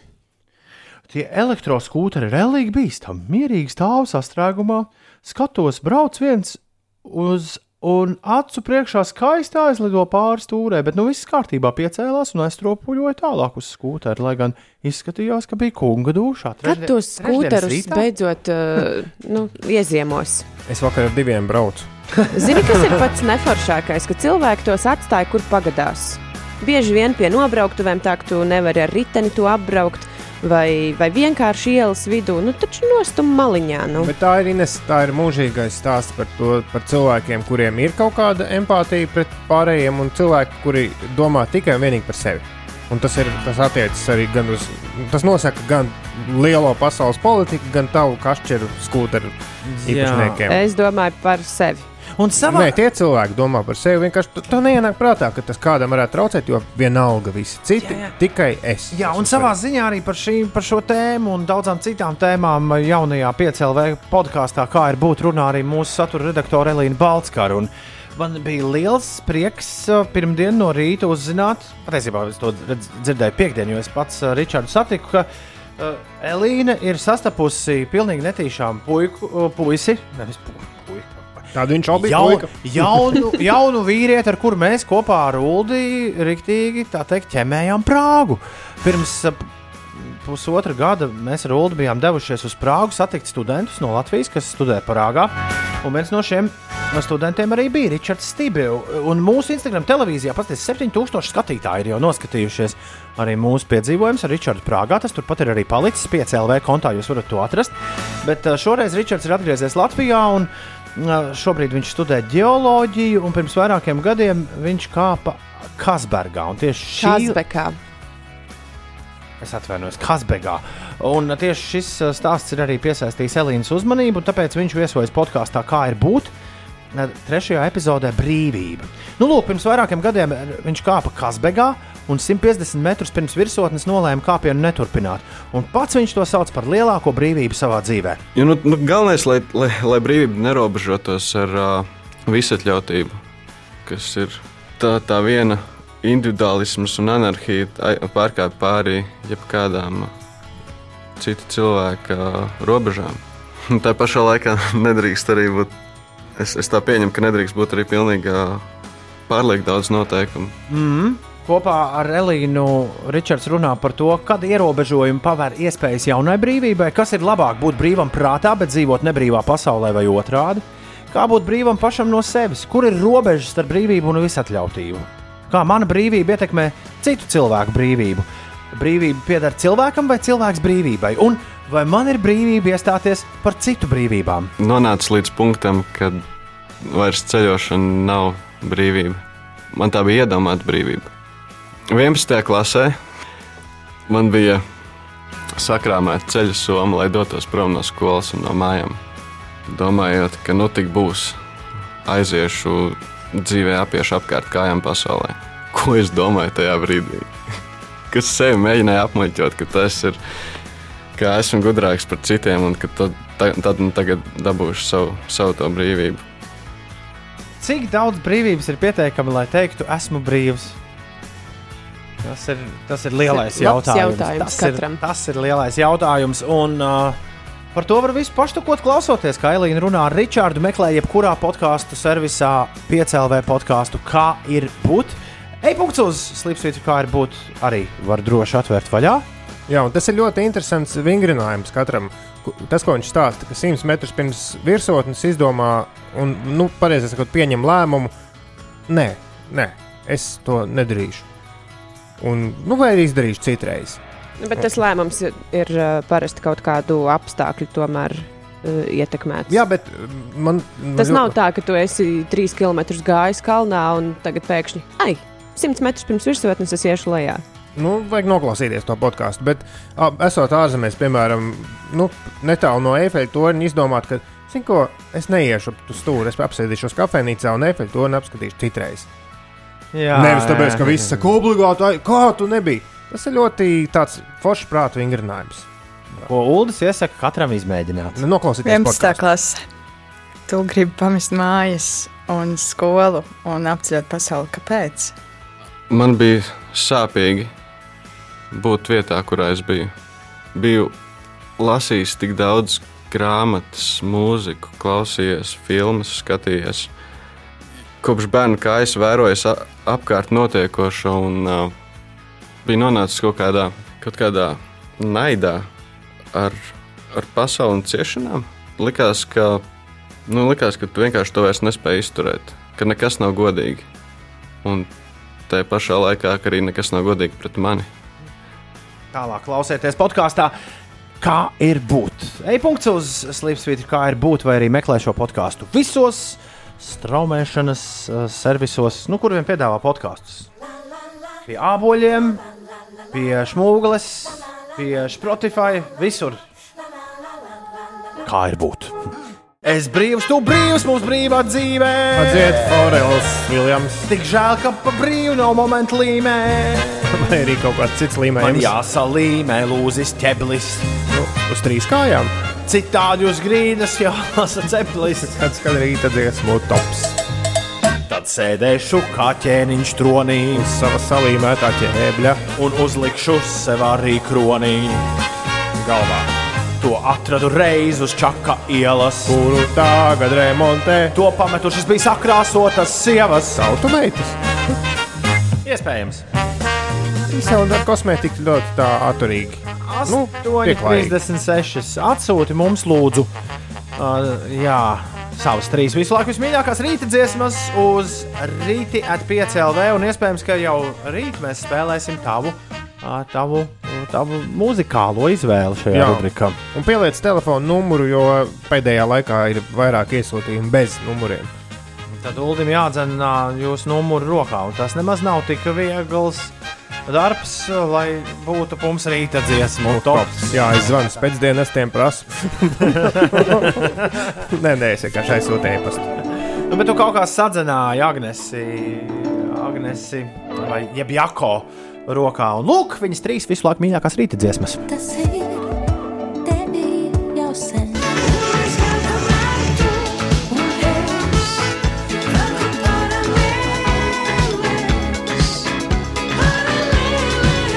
Šorīt klausāmies Agnēs mīļākās rīta dziesmas. DJs Ruds ar Māru Upmanu Holsteinu nodziedāja atver logu. Māra nodziedāja, DJs Ruds tur visu saprogrammēja un prāta vētra paralēles. Šobrīd izskan 8,43. Ar Agnēs tūlīt aprunāsimies, bet vispirms Inês izstāstīs, kas notiek. Jā, mums daudz klausītāji rakstīja par uh, sastrēgumiem uz uh, Rīgas Hesa un uz Rīgas apceļa A5. Tur pie vainas esot militārās tehnikas vešana. Šobrīd Latvijā notiek dažādas militārās mācības. Nu, viņiem laikam neliela ķibele bija gadījusies, un arī šobrīd veids rāda, ka ir uh, sastrēgums uz Rīgas Hesa, nobraucot no Hesa līdz pat uh, aplim. Starp uh, Salaspils un Čekavas apli tur ir jārēķinās ar nelielu aizkavēšanos no aptuveni 5 līdz 10 minūšu garumā. Un um, uz A8 tur gan pie vainas remonta darbi, tur ir šobrīd tāds mazāks sastrēgums, 9 minūtes jāpavada, un pie iebraukšanas Rīgā pa A7 posmā Kroksilas baložu pagrieziens. Tur gan ar 20 minūšu kavēšanos ir jārēķinās. Gustavas zemgala gatvē arī 15 minūtes pavadīsiet, Zemitāna tilts pārbraucams 11 minūšu laikā, savukārt Vanšu tilts pārbraucams 8 minūšu laikā, un citās ierastajās sastrēguma vietās jārēķinās ar 5 līdz 7 minūšu kavēšanos. Par laikapstākļiem gaidāmajās brīvdienās šīs nedēļas nogalē Latvijā gaidāms septembra beigām neraksturīgi silts laiks, taču pastiprināsies vējš. Ceturtdien un piekdien vietām īslaicīgi uzlīs, dārdēs arī pērkons, bet nokrišņu vairāk skars valsts rietumu pusi pūtīs lēns līdz mērens vējš, un sestdien, svētdien iespējams būs sauss un saulains laiks. Plus 19, plus 25 grādi. Sestdienas svētdiena būs sauss un saulains laiks. Agnēs, labrīt! Labrīt! Agnēs, kāpēc Jako? Kāpēc, kāpēc tu tādu sev pseidonīmu izdomāji? Tā ir daļa no mana uzvārda. Ah, tev tā sauc arī klasē? Skolā? Mm, tā kā laikam dažreiz. Un, tā kā es esmu pēc skolas jau tā kā. Nē, nu skaidrs, skaidrs, jā, jā. jā. To mēs balsī, Nē, nē, nē. to mēs balsī dzirdam, Agnēs, ka tev tāds labs rūdījums jau tā teikt. O, nu, paldies! Tā teikt, ir gūts. Jā. Tā latviešu mūzika tā tuvāk sirdī. Ja? Nu jā, no rītiem gribās padziedāt, padējot varbūt virtuvē un tā. Prieks, ka mēs tad nākam tālāk, kā bieži vien. Droši vien biežāk, Jā. nekā, biežāk nekā citi. Uh, ja no noslēpums, kādā nozarē tu strādā, Agnēs? Um, ir grūti sadalīt. Es, es tā kā dalos uz divām daļām. Laikam es esmu gan skolotāja, gan juvelieris. Wow, Wow! wow! Šis ir brīnišķīgi. Juvelieru profesijā, kas ir nerakstīti likumi, kas tev ir jāievēro? Uh, ļoti daudz. Tā kā viens galvenais nav, ir daudz dažādi. No viena iziet otrs un tā tālāk. Nu, neminēs, Nevar nevi, atklāt. nevar nevienu no, nu, tādu mums pateikt, lai mēs zinām apmēram. Mm, pacietība. Pacietība. Un tas no, Daudz, daudz darba ir atkarīgi no tā, cik tu būsi pacietīgs. Vai sanāks vai nesanāks, un tev pacietība nostrādā bieži vien. Wow. Bet tas noder arī jā, skolotājas tas darbā, abu vai ne? sakrīt, taču tas. Jā. Un, Jā, uh, jā. un vēl droši vien kopīgs ir tas, ka no juvelieru darba tu vari mācīties to, ka nu, kaut ko novīlēt, vai nogriezt, vai, vai noņemt nost ir viegli, bet pēc tam atlikt atpakaļ ir neiespējami. nu, audzinot Nu. jaunos. Varētu teikt, ka tā, jā. jā. Agnes, kāds sirds tev vislabāk garšo? Uh, Cietais, tas, kas daudz mēnešus nosādinās. Kāpēc tu Ulu runā virsū? Es nedzirdu, ko Agnes man saka. Es gan dzirdēju, cietais tas, kas nostādināts. Jā, es ar to dzirdēju. To, ko pierīvē klāt pie rīsiem vai pastas, ja? Nē, ar persiku ievārījumu. Pers. Ah, tā, tā, tā tu viņu Wow. patērē. Ļoti Jā. labi. Ar medu vēl ir labi. Jā, arī tur, viss, tur viss var, man liekas, kopā. Var gan ievārījumu, gan mēdu, viss būs, viss, viss būs kārtībā. Pagaidiet, dejo vientulību arī tādu rīta dziesmu, ja? Jā. Jā. Nu, principā jau varbūt arī vakara dziesma, bet man kaut kā gribējās šorīt no rīta. Lai tev nekad nav vientulība, Agnes, to es tev vēlu no visas sirds. Paldies! Un paldies, un paldies, ka tu mums rīta dziesmas, un paldies, ka ar mums aprunājies, lai forši gan jubilierējas, gan arī, gan arī skolu, sko, lai izdodas visus bērnus nu, tā labi samācīt visās lietās. Es te sapinos galīgi. Okay. Agnes, Okay. tu saprati, ko es gribēju teikt. Paldies tev liels, un uh, mēs tiekamies droši vien vēl kādu reizi. Vai nu ēteru viļņos, vai kur Obligāti. citur. Paldies, Agnes! Čau! Atā! Atā! Pečus, Agnes, saka paldies par busuli! Jej!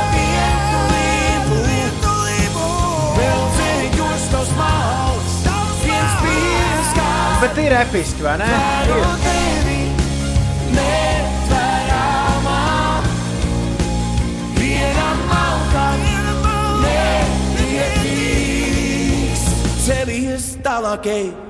Kad tiekamies ar Intaru, viņš saka, Mums grēviņš! Ej, tu nāc! un uzreiz ķer pēc sava makā.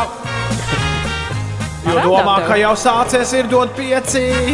Kur viņš var piedalās? Tur ātri vien pie labas dziesmas tiecīgi.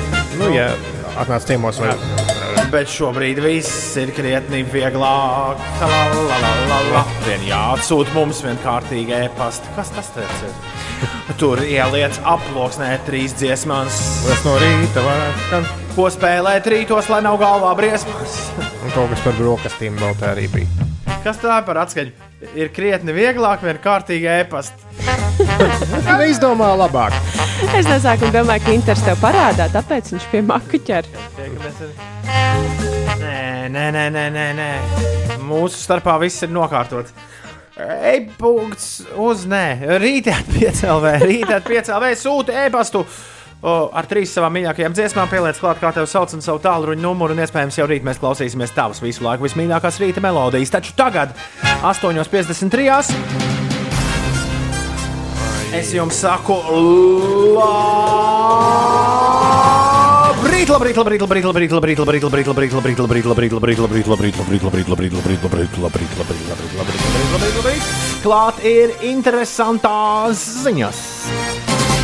Facebookā izrādās pamatīgi saplēsies ar Eiropas Savienību. Jūlijā Eiropas Savienības tiesa lēmusi, ka sociālo tīklu milzis, kam pieder arī Instagram un WhatsApp, nepietiekami aizsargā datus un iespējams pārkāpja Eiropas Savienības normas, sūtot lietotā, lietotāju datus uz Ameriku, kur tie var būt pieejami drošības iestādēm. Tagad īrijas datu aizsardzības komisārs, jo Facebook Eiropas bāze atrodas īrijā, ir paziņojis, ka aizliegs Facebook dalīties ar datiem uz Ameriku. Vakar Facebook atbildējis uz šiem draudiem, un šis paziņojums izsaucis nelielu vētru. Zukerberga rokas puiši pateikuši vienkārši, ja mums īrijas regulators neļaus turpināt strādāt, kā mēs vēlamies, tad mēs vienkārši izrausim kontaktu un izslēgsim Facebook un Instagram visiem 410 miljoniem Jā. Eiropas lietotāju. Tas dzirdīties? Mm -hmm. Skaidrs, ka šī izrunāšanās ir tiesas procesa sastāvdaļa, un diez vai rīt mēs paliksim bez Instagram, bet tik un tā interesanti. ASV draud aizvērt, aizvērt TikTok, Facebook kašķējas ar Eiropas Savienību. Bet man tomēr ir, liekas, ka interesanti, ka tajā internetā jūrā kāds tomēr grib kaut kādas valstu robežas vilkt. Man tas pareizi nešķiet. Jā, bet re, ka tu vienkārši Ķīnas piemērs rāda, ka jau gadiem tas ir iespējams un darbojas. Daudz pēdējā laikā uzdod jautājumu, vai skābi kāposti var mums palīdzēt mūsu imūnsistēmai cīnīties ar koronavīrusu. Uldim ir atbilde. Jā, kāds Kas to pētījums? ir jautājis? Nu, neviens īstenībā, bet kādam ir nu, britu, britu zinātnieki, protams, ir izpētījuši, ka, ka iespējams ir saistības starp uh, fermentētu, nu, kāds sanāk, skābētu dārzeņu ēšanu un mazāku risku Saslimt ar koronavīrusu. koronavīrusu jā. jā, tātad skābi kāposti lūdzu no šodienas. vispār, vi- vispār dā- gurķi, dārzeņi. Jā, pasti- pat- pat- sēnes. patisoni tomātiņi. Jā, jā, jā, jā. Tad tur tas latviešu noslēpums. Jā, izrādās, kā bija gurķīši pie visas pie vainas. Trakas lietas notiek tajā apvienotajā karalistē, kur tie britu zinātnieki mīt.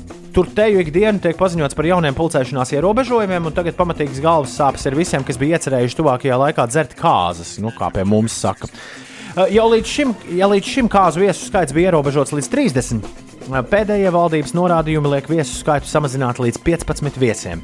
BBC ir intervējuši kādu pāri, kas pēc desmit gadu kopdzīves bija nolēmuši tieši šogad apprecēties. Rūpīgi saplānojuši visu atbilstoši noteikumiem, bet tagad Laurai un Tonijam būs priekšā diezgan nepatīkams pienākums. Izsūtīt 15 kāzu viesiem atlūgumus, neielūgumus. Kā to vispār nosaukt un kāda ir etiķete šādi iedodot viesiem kurvīšus, mēs Jā, nezinām. kā izvēlēties kuriem? Varbūt Jā. risinājums ir rīkot kāzas divus vakarus, vai arī blakus mājās vienlaicīgi katrā vietā par 15 cilvēkiem.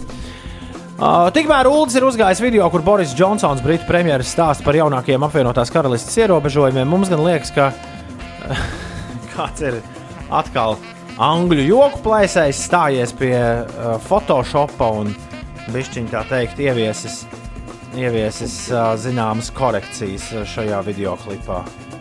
Tā, nu, paklausīsimies. In England, we're making the rules complicated and confusing. First, students must throw up on their parents and their grandparents, and if you don't, you will be arrested. Second, I also want to see two big flying horses. Third, wash your nose on Mondays, please. Fourthly, if you smell meat, you must take a pregnancy test, and anyone breaking the rules risks being dispersed to Germany uh, and Spain. Thank you. Jā, tā tad uh, visiem uh, skolēniem ir jāuzņem, jāuzņem vecākiem. Viņš vēlas redzēt divus lidojošus zirgus. Visiem jāmazgā deguns pirmdienās. Ja tu savu gaļas smaržu, tad ir grūtniecības tests jātaisa.